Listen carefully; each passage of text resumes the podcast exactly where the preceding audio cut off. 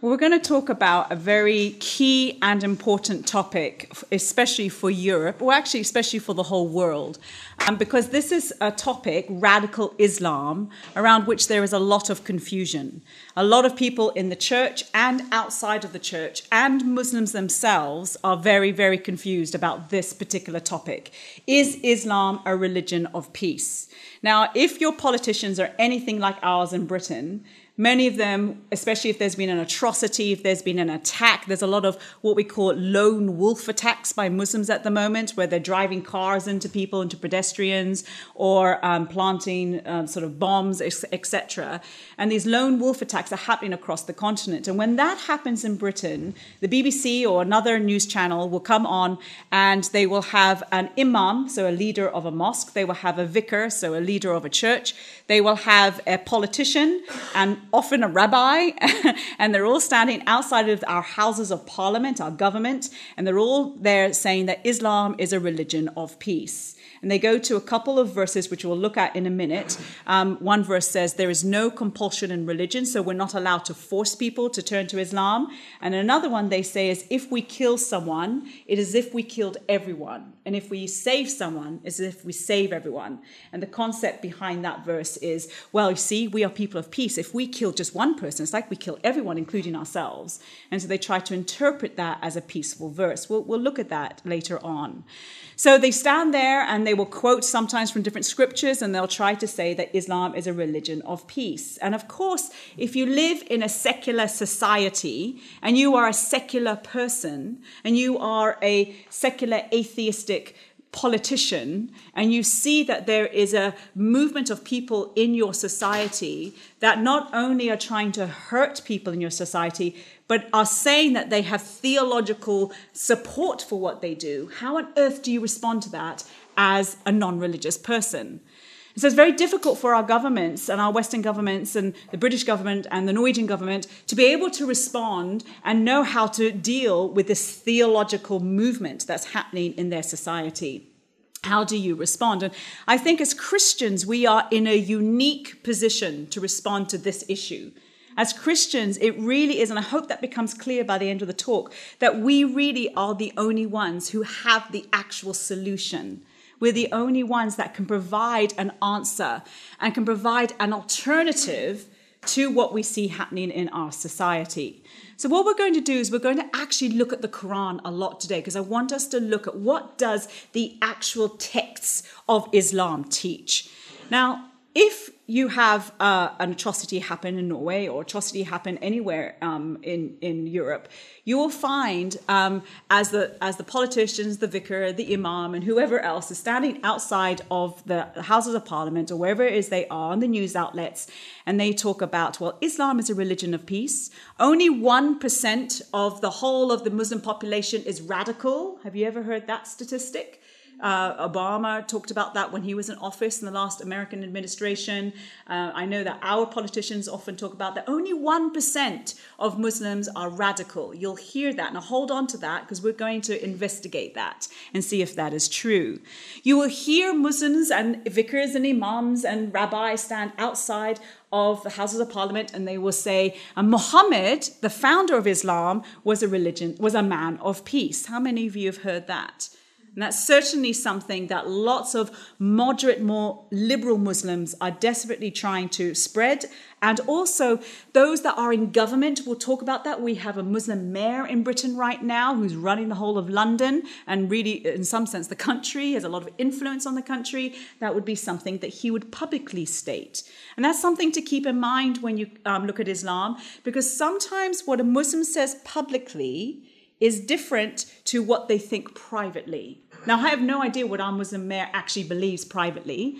I just, I know that what he thinks says publicly, potentially, but I'm not going to say absolutely, potentially could be slightly different to what he thinks privately. We know that certainly with the Muslim missionaries. I can't say that for a public figure. Um, you will also hear that the Quran is a book of peace. How many of you have heard that? The Quran is a peaceful book. The overall theme of the Quran is hospitality. How many of you have heard that? And is peace, and is um, and, you, and you'll hear many, especially Christian missionaries working with Muslims, will say, "My Muslim neighbor would never hurt anyone." My Muslim neighbor absolutely disagrees with ISIS and Boko Haram and the Taliban and Al Shabaab and all these radical groups that we see around the world in Africa and Asia and, and in Britain and Europe and America and so on. So, my Muslim neighbor is a person of peace. And what the mistake that many people make is that they'll look at a dear Muslim friend, of which I have many. And in fact, I spend more time in the homes of Muslims than I do in the homes of English people um, in London and potentially even in the home of Christians because I'm in their communities. I'm moving among the Muslim people. They are beautiful. They are hosp- hosp- hospitable. They are warm and welcoming. Doesn't mean they're right, and it doesn't mean their religion is right, and it doesn't mean their religion is peaceful. But they themselves can be people of peace. And many of them believe that their religion uh, is a peaceful religion. That's what they want to believe. So, what the Christian has to do is remember that we are people of truth. We stand on truth. The whole of the Bible is about truth. It talks, it tells us to worship in spirit and truth. We stand on truth. Our foundation is truth. So that means the truth of the Bible, the Word of God, but also it means being able to decipher the reality, i.e., the truth of other ideas. So I'm not saying that other ideas are truthful. What I'm saying is we have to be true to really investigating and unpacking what other ideologies, other theologies, other books teach because we're people of truth, we need to get to the bottom of the matter. We need to understand um, what those other ideologies, other religions actually teach. And that's what we're going to look at a little bit today. Now there was a movie. Uh, it was it was sort of quite controversial in in Britain, and in fact, it was. I think he's Danish. Am I correct? Um, Geert Wilders. Dutch, excuse me, he's Dutch. And he um, wrote, he did a movie called um, Fitna. Now he's, he's very right wing, so of course um, lots of liberal politicians were freaking out about him. He was banned from coming to, to Britain, uh, which was fascinating. And um, he did a movie called Fitna, very difficult movie. Don't watch it if you can't handle people being beheaded and that sort of thing. But what he did was he showed what the Muslim radicals were doing, and then he was putting Quranic verse on the screen to show support. And there was outcry about this. But what many people are struggle especially in the liberal elite, especially in our governments, what they struggle with is even when you present a verse to support what these people are doing, you'll often find them saying, well, no, no, no, but, but there's other verses that contradict that. So we're going to look at those other verses that contradict that and see if the overall message of the Quran supports really what the liberal elite or what many people think is a peaceful religion, if it supports that, or if it supports more what the radicals are uh, believe and are trying to impose on many other people. Now, in this movie, Fitna, he quoted a couple of verses. I'm just going to quote them out to you. You have them on the handout if you can access them. Surah 8, verse 60, it talks about use any steeds of war. So at the moment, the, the fashion among Muslim radicals is to use a car or a truck and to mow people down. It's a steed of war. It's a it's equipment of war. So use whatever you can to cause terror. Surah 456 talks about burning their skins over and over again. Now, this is the torment in hell, but some Muslims would interpret it that they can burn people today. We saw ISIS doing that as well. Surah 47, Surah means book or chapter. Surah 47 4 says, Cut off the heads of the unbelievers. By the way, there's quite a few verses that talk about cutting off the heads of the unbelievers. Surah 4, and, and notice something about that verse cut off the heads of who? Unbelievers. So it's nothing to do with justice, it's nothing to do with uh, terrible crime is to do with belief or non belief. So hold on to that thought. Surah 4, verse 89, kill the apostates. We'll look at that concept in a minute. And then Surah 8, verse 39, kill all until there's no more fitna. And in the modern translation, certainly in the English, they translate that as no more disbelief. It's all to do with disbelief, what you believe. More of that in a minute. Now, to truly understand a religion, you need to go back to the texts of that religion. So for us, you go back to the Bible. Now you understand the Old Testament because, of course, the big question that always comes up when I do this talk is what about the Old Testament and some of the violence in the Old Testament? I don't even like to use that word of the Old Testament violence. I don't like to use it because if you look at what was happening in the Old Testament, usually when God was bringing about judgment, that's what it was. It was in response to wickedness beyond what you can imagine. It was the wickedness of how human beings were treating one another, and God waited and waited and waited patiently and finally said, Enough's enough. And so that's the response what's happening in the Bible. But in the Quran, it's first of all after the cross. It's got nothing to do with protecting your country. It's got nothing to do with protecting your family. It's got everything to do with bringing people into Islam. If you look at why those verses talk about violence, about bringing people under submission of Islam.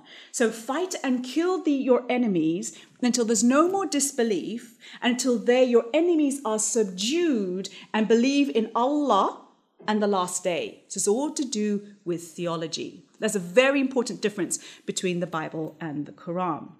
So, for Christian, you go to the Bible, specifically the Lord Jesus and his testimony and the apostles of how we are to live today, of course, in light of or based on the Old Testament as well. For Muslims, it's quite complicated. You start off with the Quran, but most Islamic practice is not in this book. So you have to go outside of this book. And fascinating enough, though, when it comes to violence, when it comes to how you treat enemies, there's a lot in this book about it. How you practice your actual faith in your practices and beliefs, you have to go outside of the Quran. And in order to get the context of this book, so what Muslims say is you have the Quran, but then in order to understand every single verse, there is a, con- a concept, it's in the Arabic, it's called asbab al-nuzul which means context of revelation. And in the context of revelation, you have to go to books that were written two to three hundred years later to understand what the context of every single verse is in this book. Now, for those of you who've got a critiquing mind, you might be going, ooh, how would they know two to three hundred years later what was happening when this book? But that's a whole other topic for another day. So that is called tafsir. That is a it's called the it's called um, interpretations or commentaries of the Quran. So you have the Quran, you have the tafsir, the commentaries of the Quran. You have the hadith, which are the sayings and the actions of Muhammad. You have the sirah, which is the biography of Muhammad. You have the history of Muhammad, which is called tarikh, and you have Islamic law. Very, very complex. There's a lot of genres of literature that Muslims have to go to to know how to live out their faith. But what is helpful for our talk today is that much of what we're going to look at is straight from the Quran. To actually interpret some of those verses, you do need to go outside of the Quran, but at least the initial idea is in the Quran. That's what we're really going to focus on. What I want to do before we look at the Quran is look at a few statistics. These are quite troubling statistics. I'd be very interested to know um, what your um, response is to this. What do the numbers show, and how have Muslims responded? Now, before we do that, we took a poll at the very beginning. I'd be very interested to know what you all said. Okay, so we have Do you think Islam is a religion of peace? 30% said the politicians say so. That might have been a get out, get out answer. I don't really want to answer that one. Or, and 70% said no, it's not a religion of peace. Very good. Okay, so we're going to take that poll and we're going to now um, go through the rest of the talk. And I hope that by the end, everyone will be able to give an emphatic no. That's my whole point of doing this talk today. Really want to show what Islam teaches and where radical Muslims get their idea from. So, what do the numbers show? Well, remember I said at the very beginning, you will hear many politicians say that only 1% of Muslims are radical. It's bandied around all around the world. You keep hearing 1% of Muslims are radical. I've heard so many Christian missionaries working with Muslims in Britain repeat that percentage. And the first question is, oh, where did you get that particular percentage from? Where, where's the source for that percentage? None, no one can, can find the source of that percentage, but it's used across our media. Well, a lot of Muslims also use this because they don't want to be identified as ISIS or Taliban. Uh, I wouldn't want to be identified. I don't want to be identified with, with Christians, so called Christians who go killing everyone either. I don't particularly want to be identified with that. The difference is this if a Christian, and I'm not saying they necessarily really know Christ as Lord and Savior, but if a Christian goes around killing people for the sake of Christianity, to spread Christianity for that reason, can they find that in the Bible? Can they support that in the Bible? That's very different, different from getting involved politically and so on. But can a Christian to spread the gospel fight to kill others, to force people to come to the gospel? On the whole, you find that's not what the Bible teaches. But for Islam, can they find support to go kill, kill people to force them to become a Muslim? And that's the whole question today. That's the whole thing that we're looking at. If you look at British Muslims, we'll use Britain as an example because one, we're probably one of the worst in the whole of Europe when it comes to radical Islam because we're, we're, really many of the radical groups come out of Britain. And they've been able to trace many of the fighters that went to fight in Syria with ISIS from a group called the Al Muhajirun, and they're based um, in northeast London. And they've been able to face, uh, trace many European fighters back to this group. And we interact with them quite often in London at places like Speaker's Corner and other places. Thousands of British Muslims joined ISIS. Do you know how many British Muslims have joined the British Army? 450. So only 450 Muslims have joined the British Army, but thousands went to fight for ISIS. That's just a very interesting statistic. Uh, when we, the government asked the Muslim community, and in fact asked anyone to report back if they saw something suspicious, they found that thousands of non-Muslims were reporting suspicious activities. But when they looked at see to see how many of those reports back to the police or to the government of who they thought was suspicious, only uh, 230 of those reports back came from the Muslim the Muslim population. We have a big Muslim population in Britain but only about approximately, and the numbers may be a little different now, but only a, a few hundred of those reports of something dangerous or something suspicious of radicals in their in their group uh, was reported from Muslims, and that's just very in, insightful, very interesting. And one of the programs we have is actually successful program. It's a government program. It's called Prevent. And the government put out a program to stop youth especially teenagers, from radicalizing. They have been quite successful. But unfortunately, many imams made a public statement that they must not support the government prevent program. They had their reasons for it. They found it was a little bit in, um, going into investigating into their homes and so on. But actually, the government did have success in this particular in this particular area. The government has not had success in rehabilitating or bringing radicals and bring them out of their radical idea, but they have had success in, pre- in preventing. But many imams oppose that. So there's why is this opposition among some of our Muslim leaders, among the imams, among some of our Muslim politicians? Why the opposition? Is there something innate in Islam, deep down in Islam, in the beliefs of Islam, that prevents a Muslim from wholeheartedly going with the rest of society that's not Muslim to protect society? Is there something in Islam that makes someone not give back to society as the rest of us really do, especially as Christians? Let's look at some of the behind the scenes opinions of Muslims with what you would call would be radical ideas. So radicalism doesn't mean you go out and you plant a bomb somewhere. That's not what a radical is. Radicalism can mean you believe that someone should be punished with death, for example, for apostasy. Or you believe that you can use fighting in the name of Allah maybe somewhere else. You yourself may not do it, but somewhere else may. So let's look at the law of apostasy. Now, this is Pew International, and there's a few other good um, organizations out there that gather statistics from around the world. In Afghanistan, 79% of Muslims believe apostates should be killed.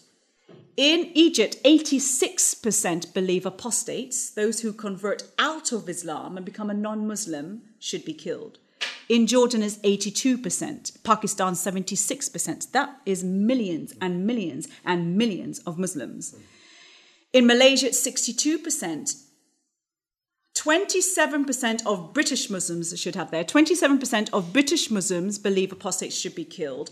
This is millions and millions and millions of Muslims around the world. So in Britain, where we're not supposedly a Muslim country, 27% of our Muslims believe an apostate should be killed.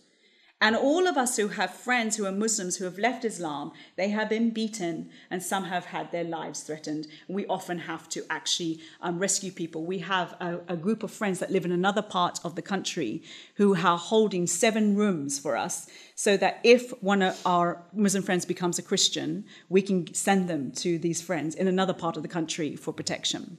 And that's how the church needs to be, because so many Muslims believe that apostates should be killed.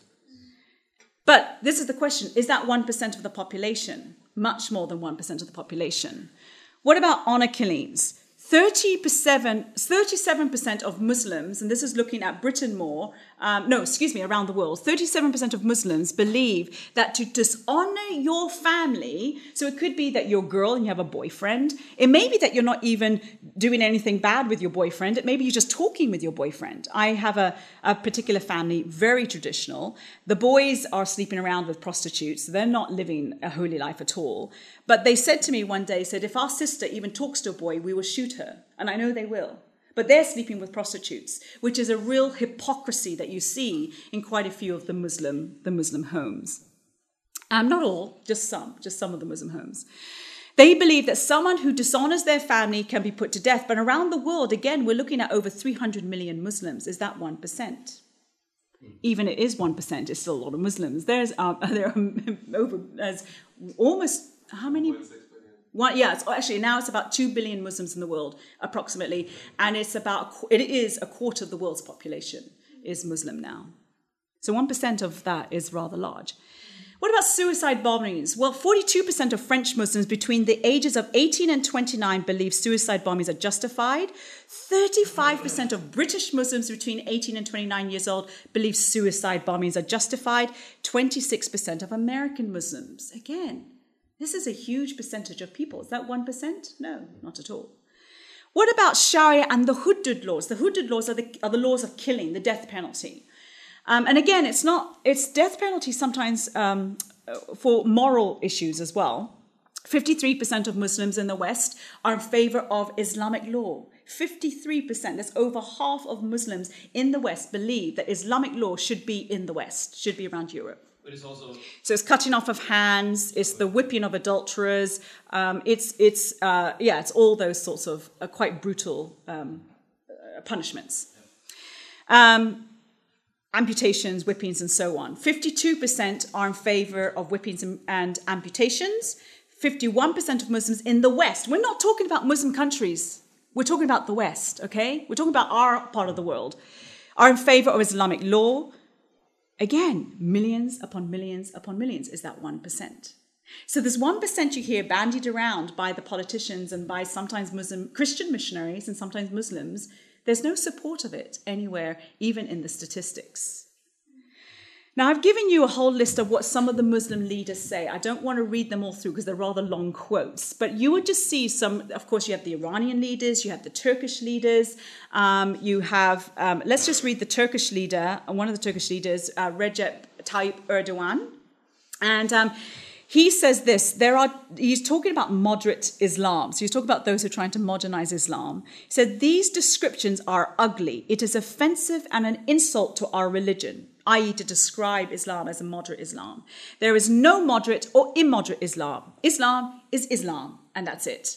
So it's the idea that, well, what does the text say? What does the Islamic law say? What does um, what do our interpreters say? What does our history say? Islam is Islam. And a lot of your traditional Muslims are reacting against the modernist view of Islam because they say you're going against 1400 years of Islamic history and Islamic texts and Islamic uh, tradition. And there's a very well known uh, Arabic cleric from Saudi Arabia called, uh, called um, Yusuf, no, Qaradawi. And he talks about how those who are modernizing Islam are going against 1400 years of Islamic traditions. There's a real tug of war happening within Islam. But your moderate Muslims only make up a tiny percentage of your Muslims who have influence. Unfortunately, our politicians, that's the only ones they're listening to. But they don't represent the vast majority of Muslims. They don't represent the vast majority of Islamic theology. So, what I want to do is now look at actually the texts themselves. So, there's quite a lot of Muslim leaders from Iran, from Turkey, and from other um, from Saudi Arabia, and other parts of the world that support um, a very traditional, very radical view of Islam um, against the tug of war that's happening with the moderate Muslims. But I really want to now look at the Quran itself because what does the word radical mean? Not those who've heard me before, but who knows what the word radical means? Going to the. Yeah, exactly. Going back to the roots. That's what it means. People don't realize that. I'm nervous to use the word Islamists and so on or extremists. I don't use that word extremists because I don't think they are extremists. I think they're going back to their roots. They're going back to a foundation. I'm a radical Christian. I hope every single person in this room is a radical Christian. We need to go back to our foundations. Radical means going back to our roots, it means building our lives on our root, our foundation. Same as Muslims, it's going back to their root. This is their root, this is their foundation. So, which verses, however, do moderate Muslims, liberal Muslims go back to to support their view that it's a moderate religion. Well, you go to chapter 2, verse 256 of the Quran. In chapter 2, verse 256 of the Quran, it says, For there is no compulsion in religion. Now, remember, I said at the very beginning of the talk you have a vicar, you have an imam, you have a rabbi, and you have a politician standing out inside of the government buildings, and they quote these verses. These are the two verses they quote Surah 2, 256, and Surah 5, 32. They're the two favorite verses to quote.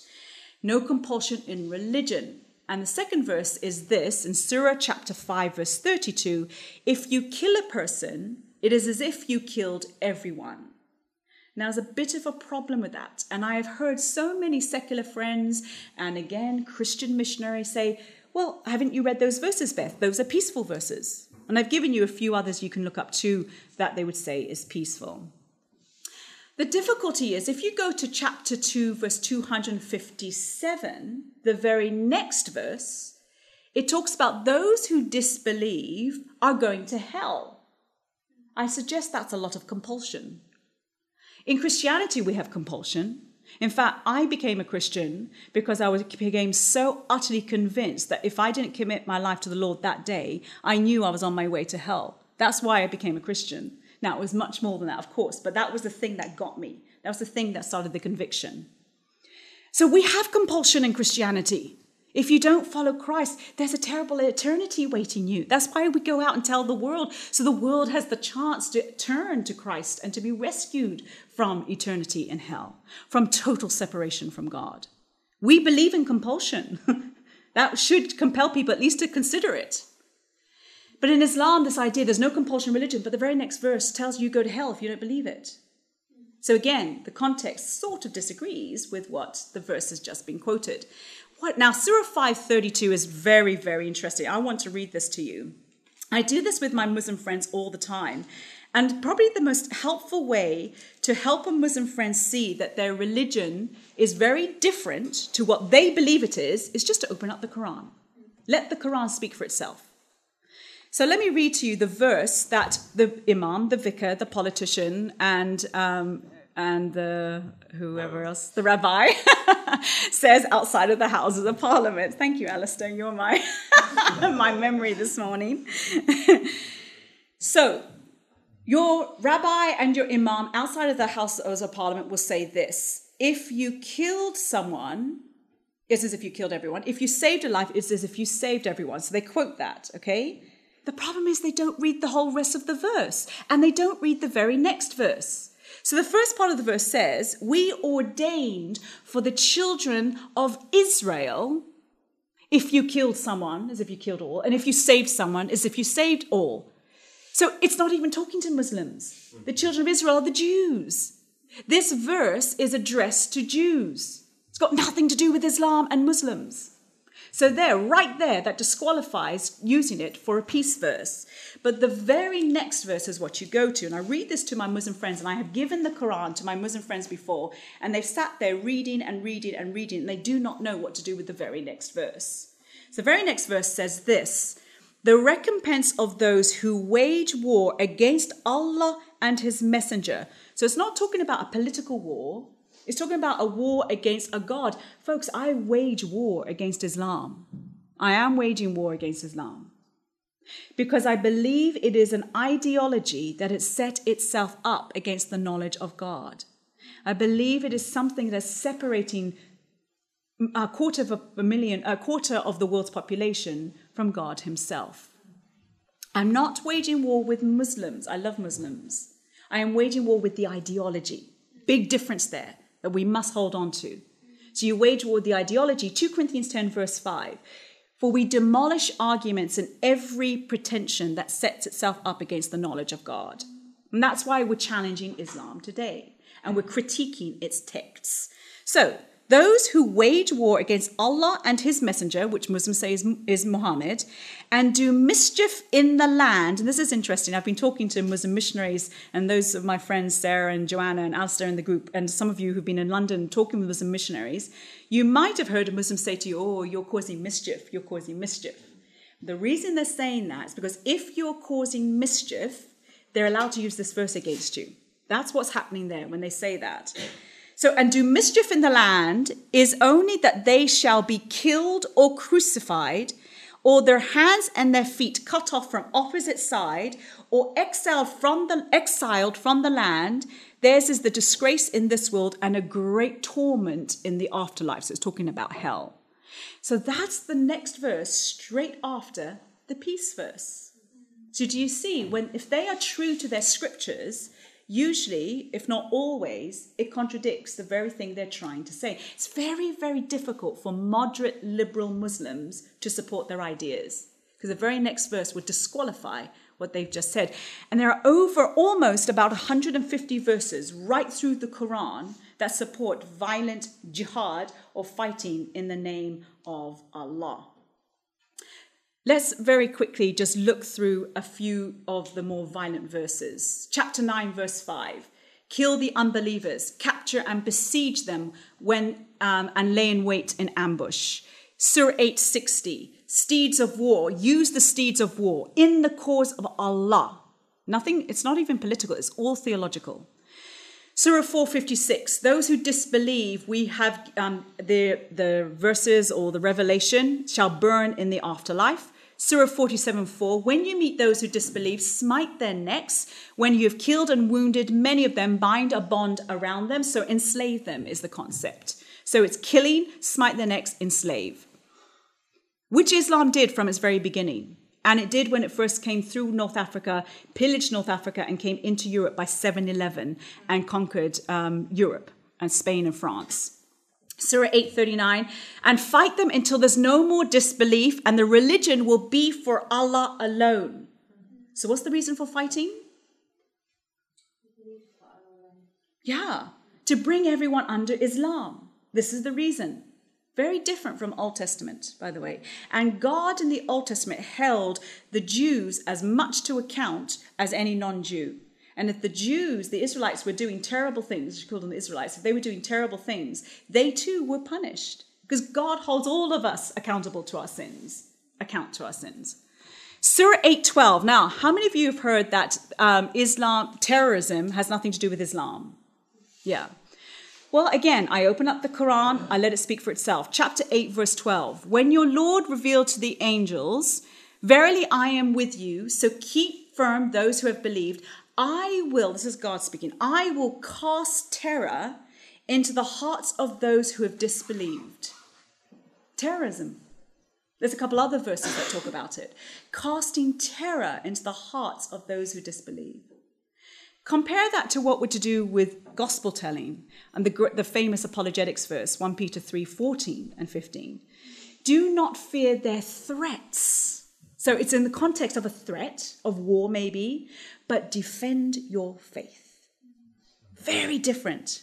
Huge contrast there. Now, I want to leave time for questions, so I'm going to zip through. And um, I've just on the notes there, there are uh, there's just a few examples. So I've given you a few examples of, for example, how Muhammad treated the Jewish tribes. The first two in 624 and 625 AD, he expelled the Jewish tribes. Um, he conquered them and he expelled them from their places, um, from their towns. And then in 627, he killed about seven to 800 men in one day. He slit their throats, just like ISIS has done in the last few years. And he took their women and children as concubines and slaves. Now, what's interesting is that a couple of the way Muhammad begot his wives um, they were all young, most were teenagers. The youngest was nine years old when he consummated the marriage. When he had one uh, wife who hit 40, he wanted to divorce her and she begged him to hold, uh, keep her and, main, and maintain her, but she'd give her sexual night to another younger wife. There's all these sort of domestic issues going on in the home of Muhammad. But the way he got at least two of his wives, think of Safia, and this is in the biography of Muhammad, which is called the Sirah. Sa- Safia, he'd gone in to, to um, attack a particular tribe. He took um, the husband, the brother, the cousins, the uncles, all of the menfolk of the family. He tortured them with fire and with um, burning them alive to, so that they would tell him where their treasures were buried. And then he killed them. And then he always took the most beautiful woman for himself and he distributed the rest of the women between his men. Safia was the widow of the man he had just killed. And he consummated that marriage very soon after he had killed the husband. So this is the man, Muhammad. This is all from the biography of Muhammad. There's another woman. There was a woman called Asma bint Marwan. Asma bint Marwan was a mother. She was in her room. She was feeding her baby, and there was children sleeping all around her. And she had written poetic verse against Muhammad because um, Muhammad, I think, believe, had killed a relative or so on. But anyway, she was she was writing poetic verse against him, and a, a man went to kill her. He uh, knifed her through the chest as she fed her baby, killed her. Goes back to Muhammad, reports back what he did, and Muhammad affirmed and praised him for what he had done. This happened um, quite often. These sorts of events through the biography of Muhammad. So do you see? See in the Quran, over and over and over again, it says, "Obey Allah and obey Muhammad." So, in order to obey Muhammad, you have to go to his, his life, which is the Sirah. You have to go to his biography. So, they have to obey what he did his actions, his sayings, and his beliefs, as well as what the Quran teaches. It's very, very difficult. And if you are a secularist or you are an atheist, how do you deal with that? How does the state respond to this? Because the state has no alternative. It's interesting. I've had quite a lot of atheists come up to me on the streets of London if they've seen me debating a Muslim, and we happen to know groups of atheists and Muslims because we're often debating with Muslim missionaries. I've had some of the atheists come up to me and says, "You Christians need to get together because you're the ones who need to respond to Islam." They're worried. Before it was always us, the atheists, we're attacking. now they're like, you Christians need to get out and give a more stronger response. They know we have the only solution. I'm going to wrap up with this. What is the solution? The solution is a radical Christianity. It is a Christianity based on this foundation. It's a Christianity that goes back to its roots. It's a Christianity that really follows the life of Jesus Christ and has backbone. I don't know if you have that expression in Norwegian. You, know, you have a strong backbone, you have thick skin. You are going to defend Christ and you're going to challenge false ideologies, false ideas. That's what the Bible says. Be ready to defend in the context of fear demolish arguments that sets itself up against the knowledge of God. And one more verse, 2 Corinthians 4, verse 3, where it says very clearly, in fact, the whole chapter is fantastic because it's helpful to help the Christian know how to live in a world that doesn't love us, a world that hates our message. And it says that we present our faith clearly. We don't distort it, we present it clearly. And we are attacked, but we're not crushed. So we have to get back to a radical Christianity. And so to wrap up, Matthew 5 43 to 44 love your enemy. And in loving your enemy, it may mean that you have to point out the error of their ways, and you then give them the alternative, which could only be found in Jesus Christ. Pray for those who persecute you. In Islam, you kill those who persecute you. But in Christianity, pray for those who persecute you and then love your neighbor. So you love your neighbor, but in loving your Muslim neighbor, it could be a Muslim neighbor that believes Islam is a religion of peace. But do you know what? To really love them, you might need to point out to them that it's not a religion of peace, but I can introduce you to the man of peace. And that's the whole answer. We challenge their ideas and then we always replace it with the man of peace. So you never leave a Muslim questioning, you give them the solution. And it's uniquely Christianity, Bible based Christianity, that is the solution. Okay? Any questions? Yeah. So when you, I suppose you, as you said, you have many Muslim friends. Yeah. When you point out these verses to them and you share these ideas, what are do some of them become angry, or what are they usually? So most of them become quite shocked. And some, I remember someone asked me once, uh, if you point these verses out, would it radicalize them? And most Muslims are so shocked by it, it actually begins to start the questioning process. You see, Muslims don't have an idea of testing their beliefs, partly because of their view of Allah and their fear that they don't, they're not, they haven't been given assured salvation. They're not sure if uh, if they're going to get to the paradise. We have Jesus Christ who died for our sins. He did the work for us, so I know I'm going to be with him one day. And so we have that assurance, but in Islam, they don't have that assurance. And so they are afraid to question because if they do, they could be questioning the one that can send them straight to hell. So they don't have a concept of questioning. We're told in the Bible test the spirits, test them, figure out if it's true or not, investigate. But in Islam, that's not the case. So we Christians often need to be the one who's doing the investigating for them, doing the questioning for them, to just sow a seed of doubt. That's our starting point. Just sow a seed of doubt. Then your Muslim friend has something to begin thinking through. Then they might dare to actually see that there's a better way, which of course is the gospel. So I think it is right to point out those verses. They're often quite uh, uh, shocked by it. And what I do is I do a comparison between Jesus and Muhammad and I do a comparison um, between the violent verses of this and then um, how Jesus tells us to live with our enemies. Just do a comparison. And it's really helpful to do a comparison on that. Um, anything to do like with women's issues. So in the Quran, it says, beat your wife. That's violent. In chapter 4, verse 34. I then take them to the Bible where it says in 1 Peter 3, verse 18, where it says very clearly, if you treat your wife harshly, your prayers are hindered. I mean, it's not even talking about violence. It's just talking about treating her harshly. Do a comparison there. I've had Muslims reading those verses not sure what to do. So I let them read the Quran, then I take them straight to the Bible. Just a follow but, but aren't most Muslims, don't they know? Like, haven't They don't have a concept. Of, okay, they've memorized it in Arabic. They don't have a clue what it means. So they'll hafiz, which means you know the whole Quran and off by heart, but they don't have a concept of um, know the word of God, write it on your hearts and your minds as the Bible tells us to. They don't have that at all in Islam. Yeah. Yeah. Isn't it right that uh, when Muslims want to figure something out theologically, what's right to do, they don't go to the Quran, but they ask their imam. They will, like, like Christians would have a lot of Christians, Bible-believing Christians, they would go to the text, try to read it from. Yeah. But that's not. No, they don't. They don't go. They go to their imam, so their mosque leader, and the, one of the reasons for that um, is because uh, uh, they. And I've heard a Muslim say this to me before, and I don't know if this is a wide theology, but I think this is behind some of it. Is the more they know, the more God keeps them to account. Because in Islam, they have a concept that if you sin but you didn't realize it was sin, it's just a mistake. There's actually that concept in some of the teachings of, of Islam. So if the less they know, the less they're held to account to it. So often they'll go to the imam, who then, of course, that excuses them if they don't know so much. Mm-hmm. Yeah. And the imams who knows the Quran are all they radicals? No, no, not at all. I mean, there's a whole mixture of, of them. And a lot of imams don't know the Quran. They know a theological school. As Christians, we need to be careful with that. We need to make sure our uh, beliefs are not a theological school of thought in Christianity. We need to make sure it's biblical. But a lot of Muslims follow a theological school. You know, the whole theology of Islam, including some of their main practices, are actually not clearly defined in here. So they have to go to other theological schools outside of Islam to know how to practice their faith.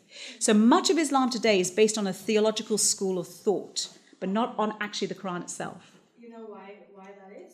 Because this book is just a random um, mishmash of different parts of um, ancient literature put together Jewish stories, not the Bible, uh, heretical Christian stories, again, not the Bible, uh, pagan stories, uh, and they were put into the Quran, probably some Syriac hymns, put into the Quran and brought together. It's a whole lot of oral tradition, took two to three hundred years to develop. And so there's not a consistent, clear theme of theology all the way through. It's very up and down and so on. You have to go outside to get a clear view of Islamic theology. But, uh, just to clarify, you said outside of Islam, but I, I assume you mean outside the Quran. Yeah, excuse me, outside of, of the Quran. So they've gone to so Gnostic Gospels, heretical Christian Gospels. They've gone to Jewish stories about sometimes the prophets, but not our prophets, just the names of the prophets. Um, and they've gone to pagan sources, and that's what's in the Quran. So, but, so these schools are Islamic, but there's like—is it what you said, the schools. Okay, so- theological schools outside of Islam. But the, Oh, excuse me, excuse me. Yes, okay, let me clarify. So, so the book itself is borrowed from different genres of literature, but the theological schools today they developed over hundreds of years, and they're outside of the Quran itself. Yeah, yeah. Thanks. Uh, just about the Quran. I've heard many Muslims says that the Quran is uh, perfectly sent from God, but you said that it's uh, different textures. which been put together. Yes, so uh, we did this talk yesterday. It's been filmed, so you could probably see it. And um, Muslims believe that the Quran is perfect, eternal, and unchanged. There's no evidence for that at all. And if you look at this uh, this whole area of uh, historical critique, which we're now applying to the Quran, we have- been applying it to the Bible for a few hundred years. This whole area of historical critique and critiquing the Quran to see if it's, if it's reliable or not has just started in the last sort of few decades. And they are finding that where the Bible was able to stand up and provide answers and show it's historically reliable, the Quran is falling flat on its face. So, six early manuscripts, none of them agree of the Quran.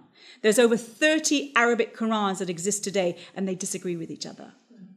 So, this idea that's perfect and, and unchanged is something that the majority of Muslims do not know because our academics have known it, but because it's such a dangerous field of study, are not telling the world.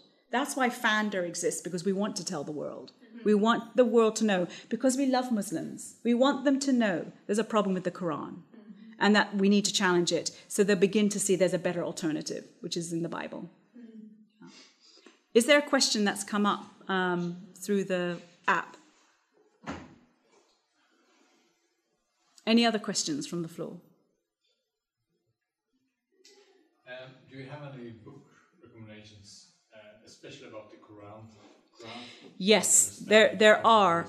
Um, Ibn Warraq has written some good books. Uh, what we we're gonna what we're gonna do is we're gonna we're gonna put a list on the link. Okay, so we might give us a couple of days. We're gonna put a link on on uh, a list a list on the link of these sort of resources because a lot of people want to read them, and we'll put both academic books and also um, popular books. Yeah, there's too, too many resources I could give you, but it would be easier just so you had a list you could read. Yeah. yeah. Is there any questions? Okay. I have a question. How do you um, critique uh, Islam and uh, the Quran, uh, and w- uh, while loving Muslims and the people? Yes. It's difficult because it's so politically incorrect to speak about this truthful about uh, the Quran. Yeah. And uh, how do you do that? Very good question, and an important question, especially for Europe. This is our problem. this is a European problem, okay? We struggle with this because of our culture. It's funny, I grew up in Africa, so when I came back to Britain, I just found it very weird the way the British were so nuanced and everything. And also, it, it was a struggle because um, I couldn't understand why, uh, in England, if you have, a, uh, so I remember my old pastor, uh, we'd have a conversation, and if he disagreed with me, he goes, I see. I knew immediately he disagreed with me, but he wouldn't actually tell me he disagreed with me. So I see. or in, if you hear an English person go, I mean, I do say that's interesting because I generally actually think it's interesting. But you have a true English person, especially middle class English person, say that's interesting. you know, they totally disagree with you. Okay. but you Muslims don't have that issue. They just go straight for the jugular, we say. They go straight for it, okay, in their culture. But it's not our culture, it's not European culture. So, and in fact, it's funny because um, I often mix with Africans because I'm from Africa. And so we laugh at what we see happening sometimes in Europe because people are struggling. This is, this is something we need to address. Again, I think the book of Acts is very helpful for this. Jesus was a Middle Easterner, Jesus was a passionate, powerful man, yet gentle. Interesting combination. I, I mean that as in that is an interesting combination. Fascinating combination. So utterly powerful and convinced, but gentle. That's a hard combination, but Christians, we need to be that way. So, in loving our Muslim friend, our Muslim neighbor, and sometimes in loving your Muslim enemy, and this is another thing we need to get to grips with. We in the West want to be liked. Well, of course we do. Every human being wants to be liked. I don't like it that some of the Muslim missionaries troll me and hate me and say all sort of nasty things about me. It's not nice. It's, it, we hate that. But actually, the Bible says we are going to be despised. The Bible says we're going to be hated. And it means that it means something you believe and say is going against what the rest of society believes. It means you're challenging something. And you're hurting people deep down, but you're hurting them because you love them. You're hurting their beliefs. Now, there in our modern society, there's a t- really, unfortunately, politically correct movement, and it's permeated the church. And there's also, it's almost you are nice and you actually sacrifice truth to be nice. But that's not loving. So we have to learn as Christians to be absolutely firm in our beliefs, to be absolutely convinced and convincing, to dare, to challenge, but we can do it in ways that actually doesn't automatically make someone hate you. That said, I've sometimes said the hardest thing to a Muslim and they still hate me because of what I'm saying. So it's okay to be disliked. We don't go out of our way to be dislikeful people, but it's okay to be disliked if what you believe is true and you're challenging other people. It's something we have to think through as Christians. We do need to have thicker skin and stronger backbones when it comes to engaging Islam. They have no problem telling us, because the Quran says it all the way through, that Jesus is not God, that the cross did not happen, and the Trinity is, is just rubbish. Muslims have no problem with that. In fact, one very traditional home I went into, I was sitting on the floor, second time I was in this home, and the mother, who could barely speak a word of English, she goes, Betty, Allah no son. Allah no son. she barely knew me, but wow, does she want me to know that Allah no son? So she had no problem attacking my faith. That gave me the opportunity straight away to get into a, by translation, a theological discussion with this woman who didn't know a word of English. So we need to learn to challenge. In fact, um, so someone asked me yesterday, you go to Speaker's Corner, you're debating the Muslim missionaries. It's pretty intense, it's hard debates. So, in that context, it's back and forth, back and forth. You're debating, your voice may even be raised. You are really presenting a tough Christianity because that's what attracts those Muslims. And they need to see a tough Christianity. Jesus did the same.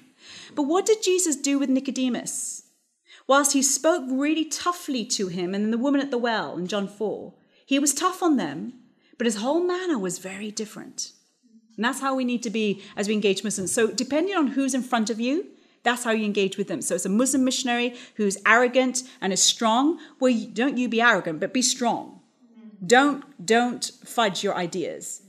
If it's someone who needs a bit more pastoral care or someone who has struggles, then you deal with that and you maybe are more gentle. So it all depends on who's in front of you. But you never compromise truth for the sake of political correctness and for the sake of being liked. Yeah. We got about one more minute.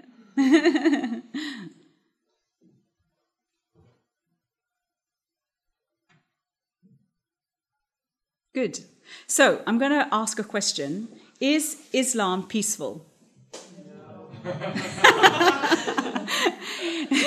Thank you. Okay, thank you, Beth.